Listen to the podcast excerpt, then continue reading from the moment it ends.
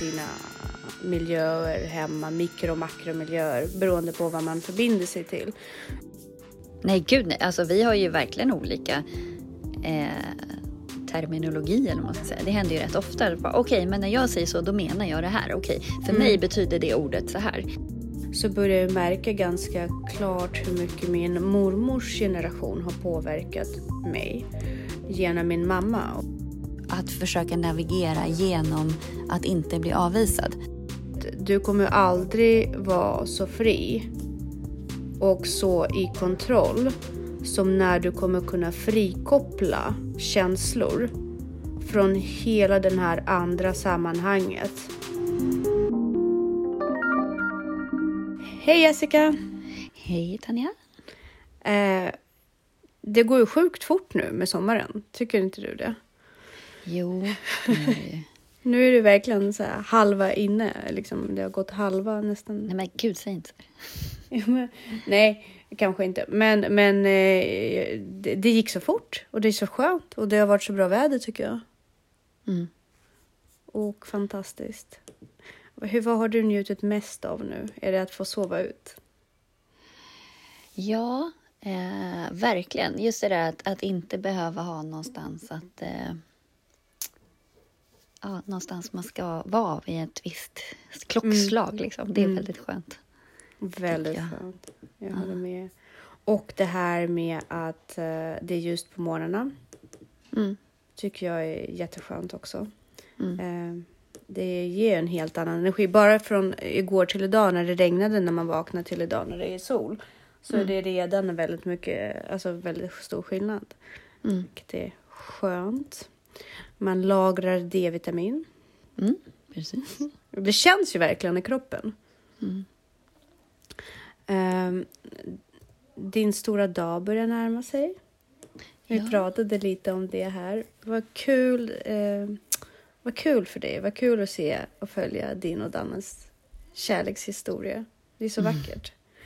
Och mm. så fint hur du lyckas, eller ni ska jag säga nu, hur ni lyckas att inte bara utveckla er själva men verkligen utveckla en så himla fin miljö, vänner och stämning och liksom en hel livsstil. Den här kärleken liksom bäddar in en hel livsstil. Känns det som. Man får verkligen se dig på något sätt genom det här förhållandet. Hur, hur, hur du skapar saker runt om och så. Hade du lika mycket fest och mycket, lika mycket bjudning och häng när du var singel?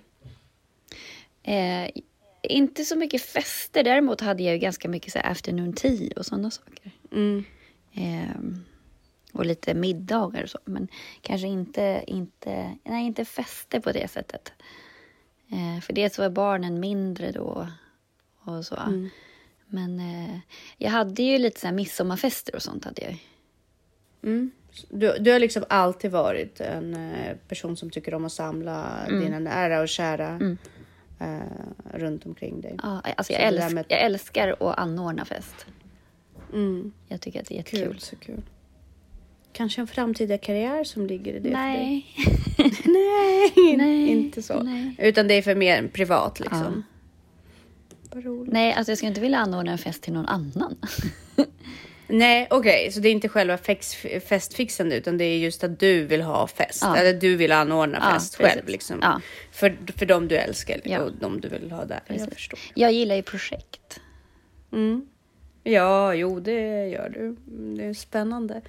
Jag var på en fest i helgen som uh, min längsta fest tror jag någonsin. Den föll på från klockan två på dagen och vi åkte väl därifrån vid halv två-tiden på natten. Mm. Men det var en så här stor gårdsfest och alla hängde och det var jättemysigt också. Mm. Man kom på att eh, det, det, är nog, det finns nog en väldigt stor lycka i att ha så pass många vänner. Att man kan liksom hänga en, så en hel dag. Mm. Lite som man brukar göra hos dig också. Man kan hänga en hel dag, bara umgås och vara med varandra. Och, mm njuta av varandras sällskap utan att det behöver vara en liksom, väldigt hypad så, utan tillfälle för folk att ge folk tillfälle att vara med varandra. Mm. Det är fint tycker jag.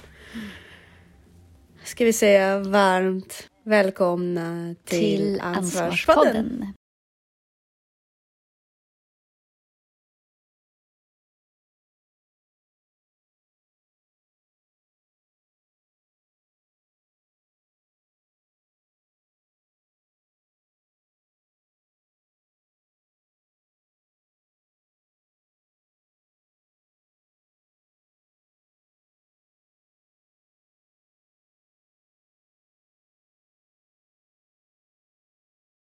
Vi har pratat en del näring de senaste gångerna. Ja.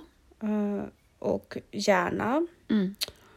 Uh, och då har vi snuddat väldigt mycket, vi liksom, eller vi har snuddat successivt vid delar, byggt upp en helhetsbild av vad som krävs för att må bra och vara lycklig Mm. på ett ansvarsfullt sätt. Mm. Eh, jag eh, tittade på en video som jag tyckte gav mig en väldigt stor förståelse från, känsla, hur, från hur känslor materialiserar sig i ditt liv, i ens liv ska jag säga. Mm. Och eh, det var det jag tänkte att vi skulle prata om idag. Mm. Som grund tog, eh, har vi kollat på Paul Scallon, en motivationstalare. ehm, som pratar om det här med hur communities ofta suger musten ur sina, ofta suger musten ur sina medlemmar och man måste bygga sund relation Mm. eh, i sina föreningsliv, eh, sina miljöer hemma, mikro och makromiljöer beroende på vad man förbinder sig till. Mm. Men han har också sagt en del saker som jag tyckte var väldigt spännande vad gäller att materialisera tanken. Mm. Eh, vad kände du spontant när du lyssnade på honom tala? Nej, men jag tyckte det var uppfriskande och han var inne på mycket av det som vi har pratat om tidigare. Att liksom, just det här med att kontrollera sina känslor och att eh, känslor är inte på riktigt. Eh, och han skiljer på liksom feelings och emotions. Eh, så att det är väl det. Och sen så det här som han är inne på, att en generation måste läka sina sår så att de inte blöder på Mm. nästa generation.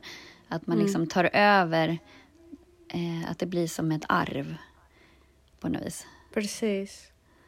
Eh, han pratar ju inte eh, så komplext. Nej. Han pratar ju väldigt eh, mycket sunt förnuft. Och, men, men jag tyckte att hans sätt att förklara vissa saker Mm. var ganska talande till just mig. Jag vet inte, det var några formuleringar som blev så klockrena. Mm. Just eh, för mig ramlade polletten ner. Att just kunna verbalisera det man känner. Mm. Och det jag tänkte i samband med den här generationstanken var ju att eh, inom min familj, Mm.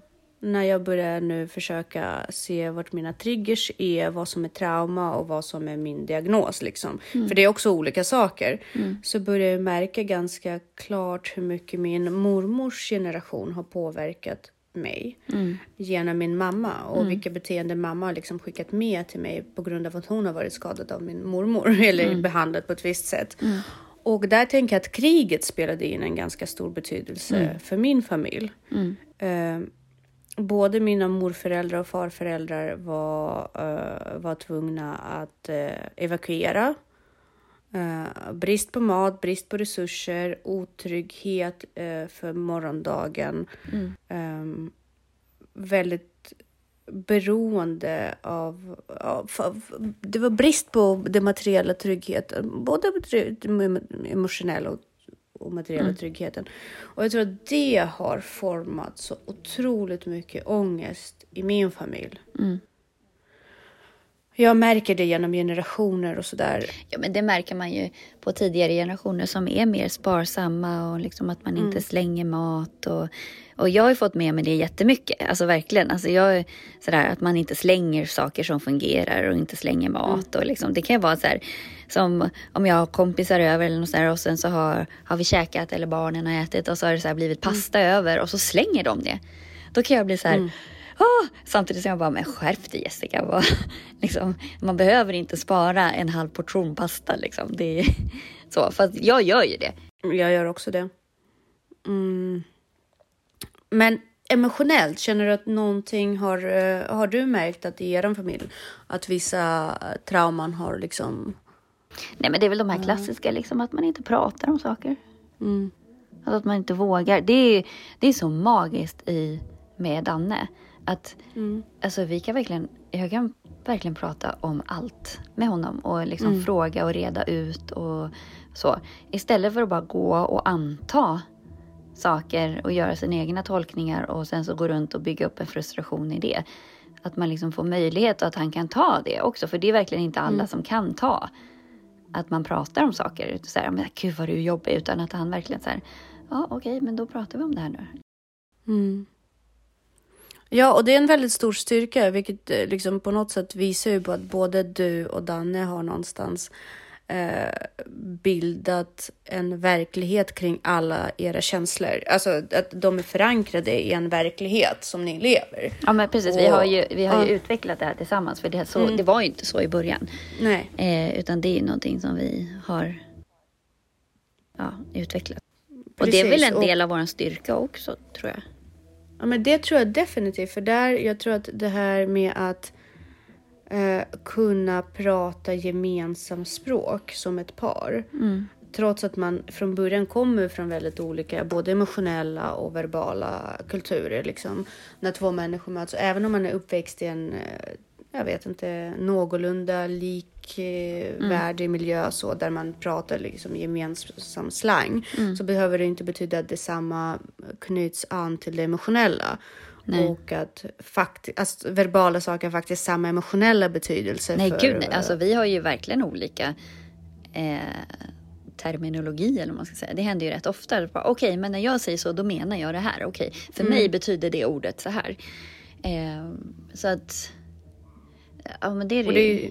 Men jag tror att det handlar också om att vi är så tydliga med också, eller var tydliga eh, från början, eller väldigt tidigt, att eh, vi vill varandra väl och att mm. vi inte är ute efter en rätt och fel diskussion utan det handlar mm. bara om att så här upplever jag.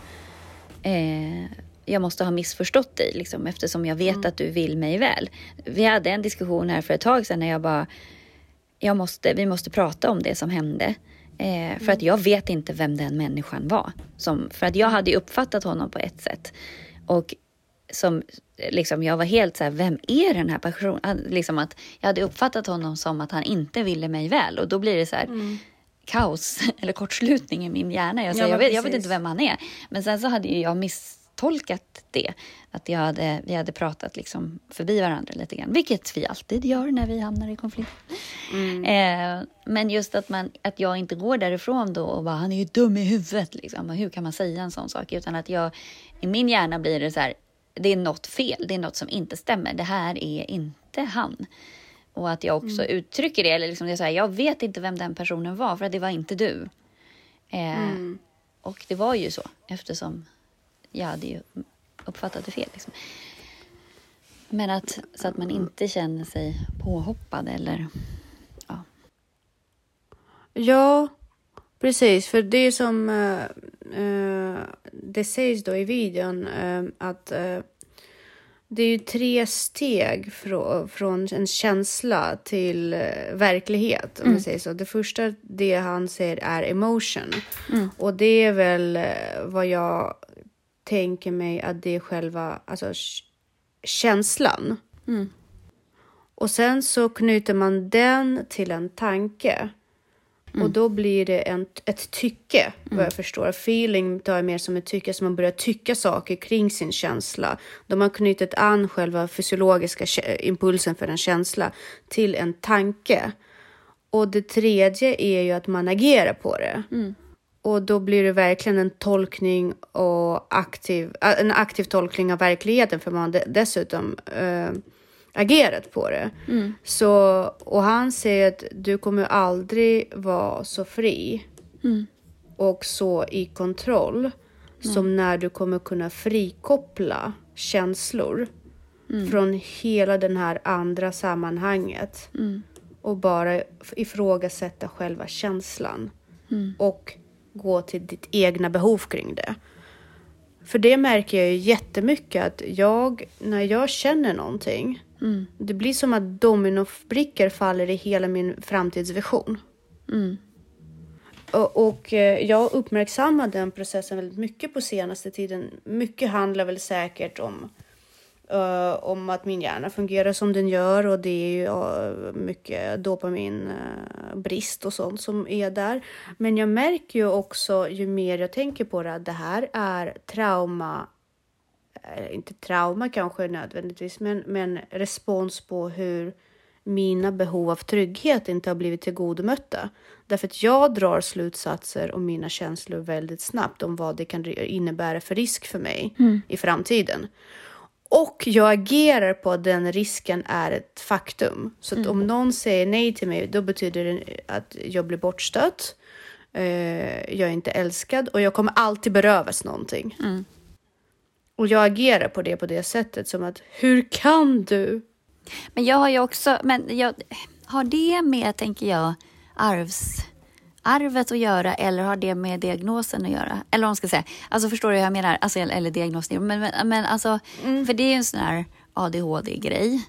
Det är en väldigt stor ADHD-grej. Jag har det definitivt. också. Jag tar ju orimligt hårt med avvi- alltså, Jag undviker ju väldigt mycket och det har ju varit, det har varit styrande i hela mitt liv.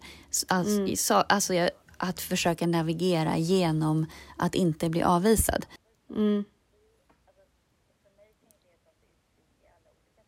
Ja, det gör ju ont. Det gör ju fysiskt ont framför allt.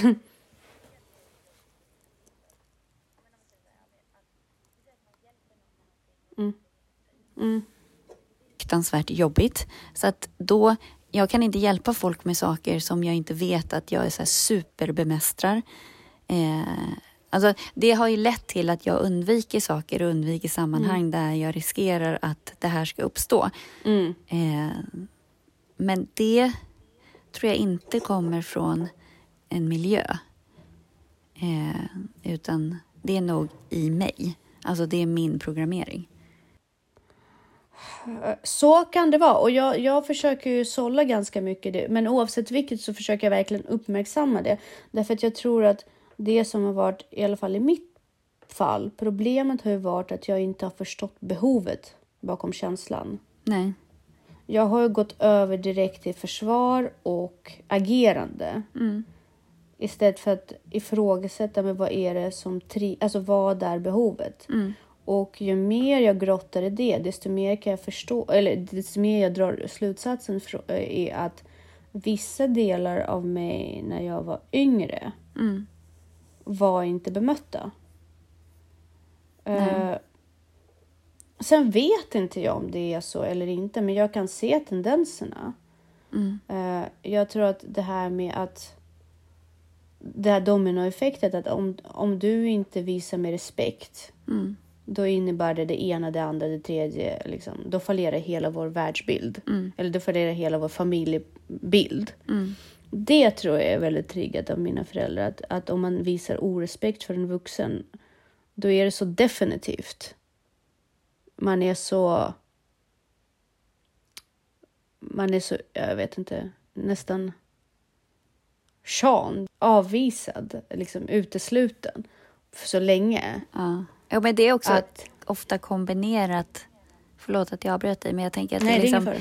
att det i kombination till att inte duga som man är, alltså inte vara Mm. villkorslöst älskad, blir ju väldigt otryggt. Ja, men precis. Och jag tror det här ovillkorliga älskandet eh, är ju någonting som jag som jag tyvärr brist, alltså som jag lider av. Alltså jag har inte blivit villkorlöst älskad, utan jag har blivit älskad på villkor.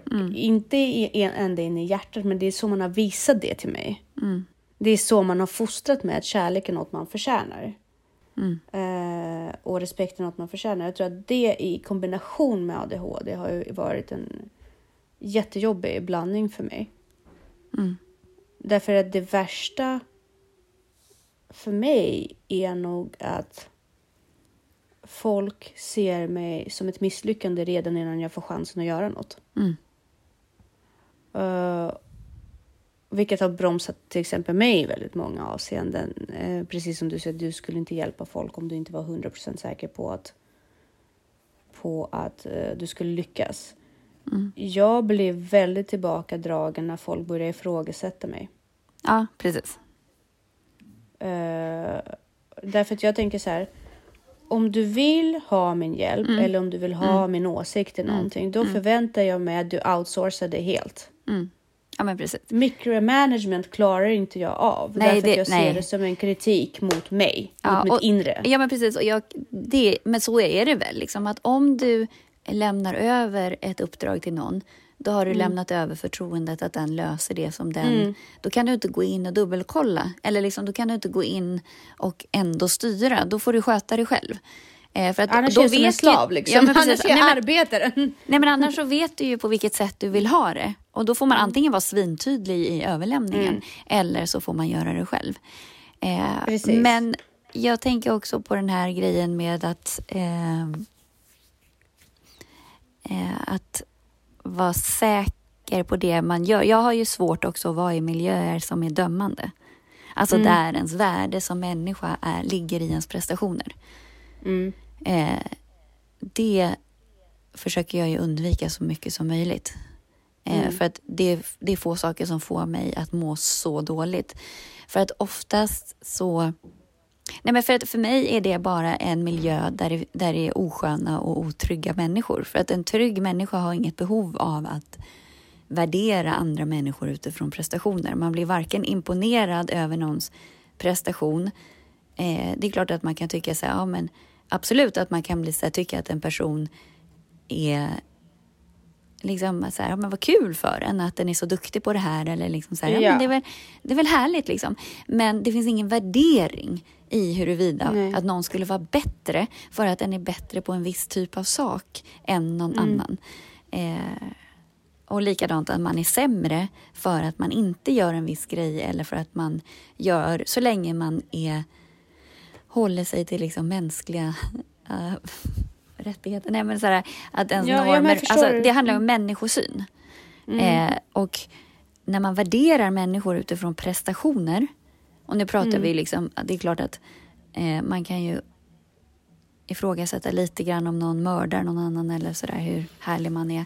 Ja, fast men då alltså, är vi på, lite på en annan nivå som vi ja, brukar faktiskt tycker, inte handskas med till vardags. Ja men nu då, menar då jag mer så här att man är, inte, man är inte en bättre människa för att man jobbar mm. med si eller så eller för att man tjänar mer pengar eller snarare Nej. tvärtom. Jag tycker att en spännande grej är oftast högpresterande människor Mm. Glöm är som, som, tyck, som det är vikt, som är tävlar väldigt mycket, så här, tävlingsmänniskor mm. som vill vara bäst på allt.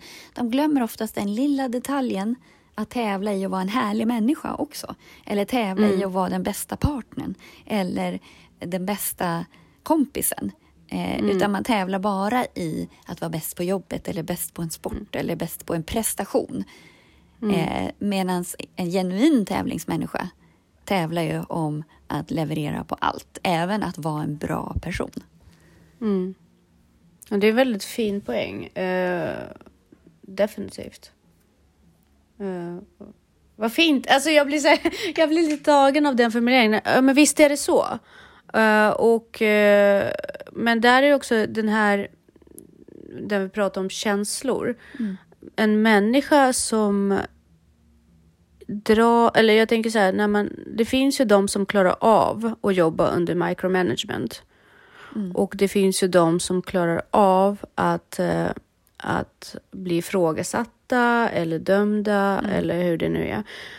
Uh, de människor jag vet inte, de, de har inte samma känslighet. Alltså det, det beror på lite grann eh, vilka svagheter man har.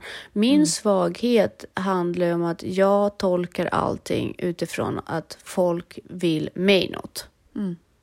Jag tolkar ju aldrig det utifrån att det här problemet ligger hos den här personen. Mm. Och eh, initiellt. Mm.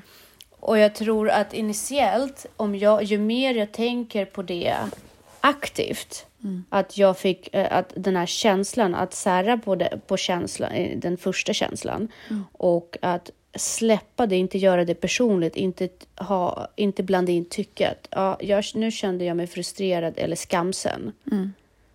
Men inte men inte binda fast de här. Ja, men det är säkert bara för att de såg att jag inte hade fixat mina tår och att jag är här i avklippta jeans. Alltså förstår du? Mm.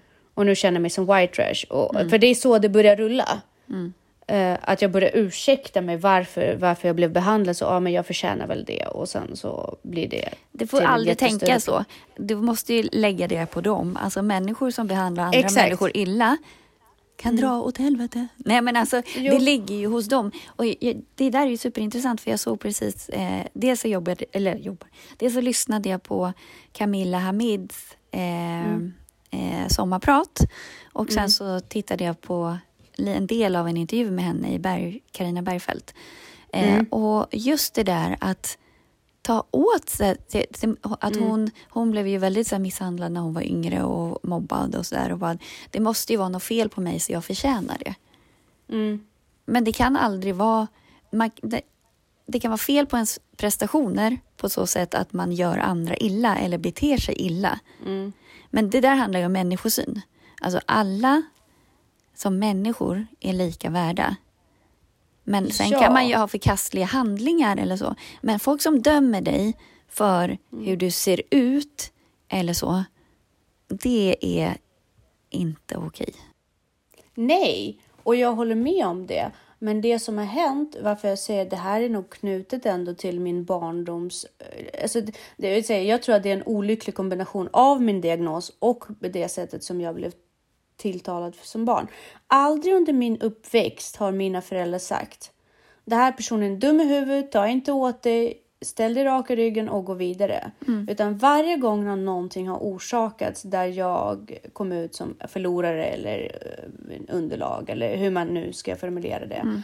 Så har de sagt, men, men, om, men har du verkligen ansträngt dig tillräckligt? Har du verkligen gjort ditt bästa? Har du verkligen, liksom, det har på något sätt bara, ja, du, jag såg ju inte det anstränga dig så jättemycket. Eller om någon säger så här, om någon har förelämpat mig offentligen, då säger de så här, det var inte så illa ändå, du, du är känslig. De har aldrig ställt sig på min sida. De, kan, de har säkert trott att de, De gör mig styrka. starkare på det. Ja, precis. Men jag har aldrig fått bekräftelsen. Jag, jag, det jag saknade det är ju den initiala bekräftelsen att det här var helt förkastligt beteende från den personens sida. Men älskling, du behöver inte ta åt dig heller. Den här första stegen, initiala bekräftelsen att eh, bekräfta min känsla. Den har inte funnits där min känsla har, min initiala känsla har aldrig kunnat bekräftas. Och därför tror jag att den hänger kvar. Därför att jag kan inte släppa den, för den tar jag med mig. Ja. Jo, men det sätter ju ditt människovärde. Precis. Alltså det, det är det som är självkänsla. Alltså det är det som, i kontakt med andra människor så får man ju veta vad man är värd. Och så får man ju veta att man duger till. Så det är bara också i kontakt med andra människor som man mår dåligt. Och det där är ju väldigt spännande om man börjar prata om, om eh, psykisk ohälsa och självmord och sådär. Eh, självmord drivs ju fram i relation till andra människor. Mm. eh, en människa, jag har hört att, att människor som är, lever helt isolerade inte begår självmord. För att det är i relation till andra som ditt värde och dina misslyckanden eh, ses. Så att känner du inte värderad av någon eller att du är i ett samman, det är i sammanhanget som Precis. du mår dåligt. För att andra talar om för dig att du har gjort fel eller Mm. att du inte duger till.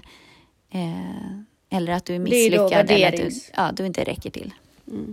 Precis. Och vilket, vilket gör det liksom så himla viktigt att när man tänker på det här med att bekräfta barnens känslor. eh, det steget är ju enligt det här som vi hörde från Paul Scanlon, Scanlon och eh, även andra barnpsykiatriker och även de som pratar om eh, neuropsykiatriska funktionsvariationer. Den biten tycker jag är så essentiell. Den ligger så mycket till grunden för att kunna läka och ta avstånd eh, och ku- kunna ha självdistans i de här svårkontrollerade depressiva episoder eller när man eh, brister och får eh, börja skrika och utagera. Du har vid något tillfälle sagt till mig att vad spännande det kommer vara den dagen. För jag klagat, eller jag har berättat flera gånger, jag, jag brusar alltid till. Vid något eller annat tillfälle så går det alltid överstyr och jag kan verkligen skälla ut folk och tappa kontrollen. Och då har du sagt så här, spännande den dagen när det kommer till mig. Nej, det gör det inte. Därför att nu i efterhand så har jag märkt att det händer ju bara när mina behov inte blir tillgodomötta eller när mina känslor inte blir bekräftade. Det är ju det som har triggat det. Du har ju aldrig haft den approachen överlag. Det finns ju inte kritik det, det finns konstruktiv, eh, det konstruktiva råd i relation till dig. Men det finns ju aldrig en kritik av min person på något sätt. Om någonting så har jag varit den personen som alltid sagt så här. Ja, men du behöver inte se det som ett nederlag. Se det som att du har lärt dig de här saker och, och stöttat mig i det. Så jag tror inte att jag någonsin kommer brusa på dig. Skriv. Men det har ju också lärt mig väldigt mycket. Det har ju lärt mig eh, att känna igen ett mönster eh, i ett beteende som jag nu liksom på något sätt inte kräver, men önskar mig från min omgivning. Mm. Därför att i, efter mina föräldrar och efter familjehemmet så har ju ändå dragit mig till relationer där det här mönstret fortsätter av bekvämlighetsprincipen, för det är det som är bekvämast för hjärnan. Ja, men man får ju lära sig också hur man bemöter känslor. Eh, mm. Det är väldigt vanligt att man lär sig till exempel att man inte får gråta. till exempel. Mm. Att folk bara blir här, det blir stelt i rummet om någon gråter mm. eller om någon blir för känslosam. Eh, och då är det ju så man hanterar sina barn också. Det kan jag märka. Alltså, om mina barn trillar och slår sig eller är lite, lite klantiga Alltså, mm. Och att de inte slår sig jätte... Så här, klant slår sig. Mm. Ja, då blir jag ju bara irriterad. Det är min initiala mm. reaktion. Sen så mm. kommer ju mitt sunda förnuft så att man liksom blir så här, men gud stackars dig. Liksom så. Men, mm. Och likadant, det kan vara en kompis också. Folk som klantar sig. Då blir jag mm. första sekunden bara irriterad. Mm. Sen så kommer ju min persona, men det är ju min initial... Ja. Precis som jag har alltid haft så att man har inte så mycket, eller i den miljön jag växte upp i, i Sovjetunionen, man har inte haft så mycket barnkultur, så man Nej. har inte överseende med barn på samma sätt. Nej. Som ett barn gör bort sig på något sätt eller beter sig barnsligt som det blir liksom pinsamt utifrån en vuxenperspektiv. Mm. Då skäms man ju alltid över sitt barn. Ja. Så, och, och, min initiala eh, reaktion har alltid också varit i, med med Elisabeth ute i liksom, eh, när hon har gjort någonting som är, ja, man skulle säga opassande, då skäms jag bara, ja. skäller ut. Eh, men jag har ju lärt mig så ofantligt mycket kring det och bara tänker så här, men skitsamma, det är klart hon inte kommer bete sig så här när hon är 30 eller 25 eller 18. Mm. Fast samtidigt måste här... man ju Ja, vi markera. pratar ju om det. Ja, ingen i hennes omgivning, vuxna människor, beter sig så heller. Det är klart Nej. man säger till bara, tänk på att det är folk eller tänk på att... Men det här med att skambelägga och bli så där röd eller så här rasande i blicken som mm. jag kunde ha blivit förut och verkligen misstycka. Hon, när hon kan så gör hon det hon kan. När hon mm. inte kan då blir det lite pinsamt och awkward. Hon är ju ett barn, hon lär sig. Men det här överseende, acceptans för känslor, acceptans för att hon är trött och kinkig och inte mm. orkar. Den är ju... Jo, det men det är en del som... av, av att växa upp och det är det som skiljer ja. barn från vuxna också. Ja. Hon är ett barn. Ja. Sen så måste man ju kanske skicka med barn. Alltså man kan inte tänka sig att ah, hon är barn så det gör ingenting. Man måste ju fortfarande nej, markera. Nej, liksom. nej, nej. Men det är klart och att hon inte... ska ju ändå finnas, men det är mm. ingenting man, man, man, måste ändå ge henne en utväg. För mig mm. var det så här, hur kan du? Skäms på dig. Ja. Och så går man därifrån och så måste jag alltid be om ursäkt. Vad ja. jag än gör var jag alltid tvungen att be om ursäkt. En annan uh... sak som du inte ska göra är ju att äh, äh, för det får ju barn att växa upp med att man inte räcker till. Det är att säga till dem så här, vad ska alla andra tycka? Ja. Att man använder det som argument för mm. att korrigera.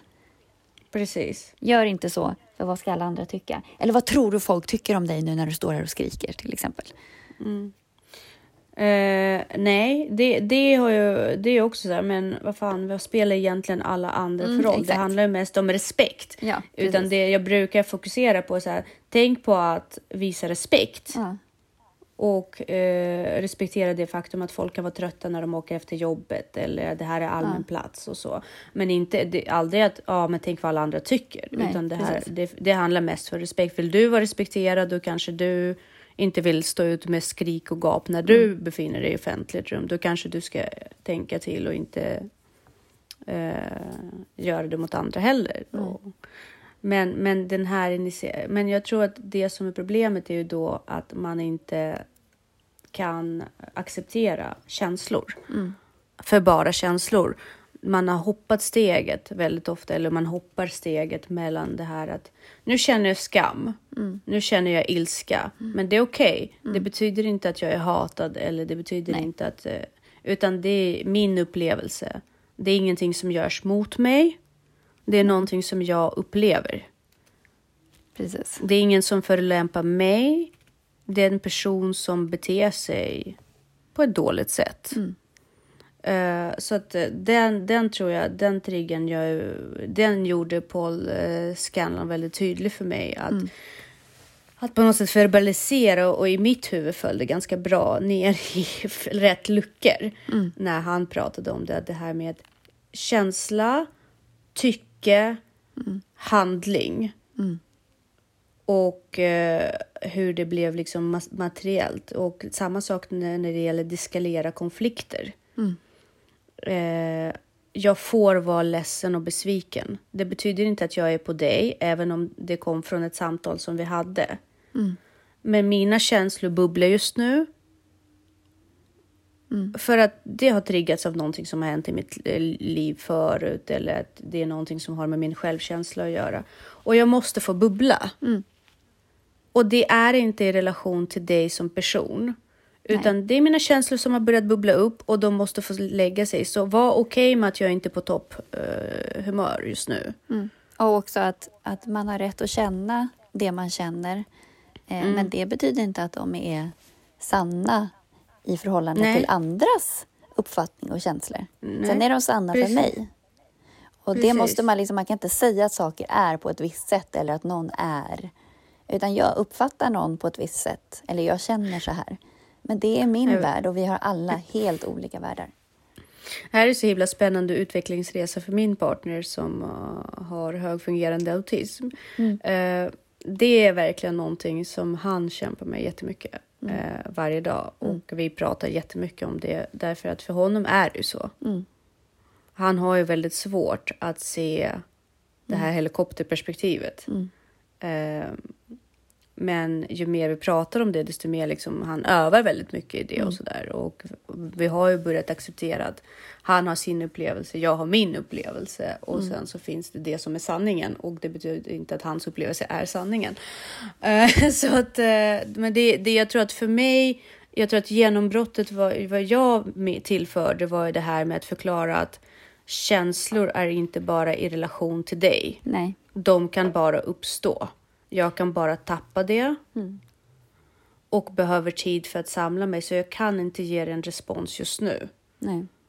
Och det har ingenting med dig som person att göra. Nej. Och samma sak att eh, godkänna det från, från när han säger det.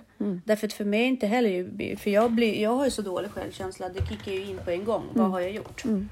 Vad har jag gjort? Varför är du arg på mig? Vad har jag gjort? Det är inte mitt fel att försvara sig sådär. Men att man bara kan låta lugnet över bara låta honom sålla i sina känslor också så han kan verbalisera och vi kan hitta ett civiliserat språk. Alltså det, det, det är så det är så prislös verktyg att klara av det. Alltså nu, nu kanske normisar kanske inte märker det på samma sätt. Folk som är inte har Jo, fast det, alltså, var, det är ju det som är att vara vuxen. Alltså på så sätt. Alltså var, jag tycker att det finns fler som, som inte kan det än vad som kan det. Eh, Alltså, Danne är väl den första personen som jag har träffat som faktiskt...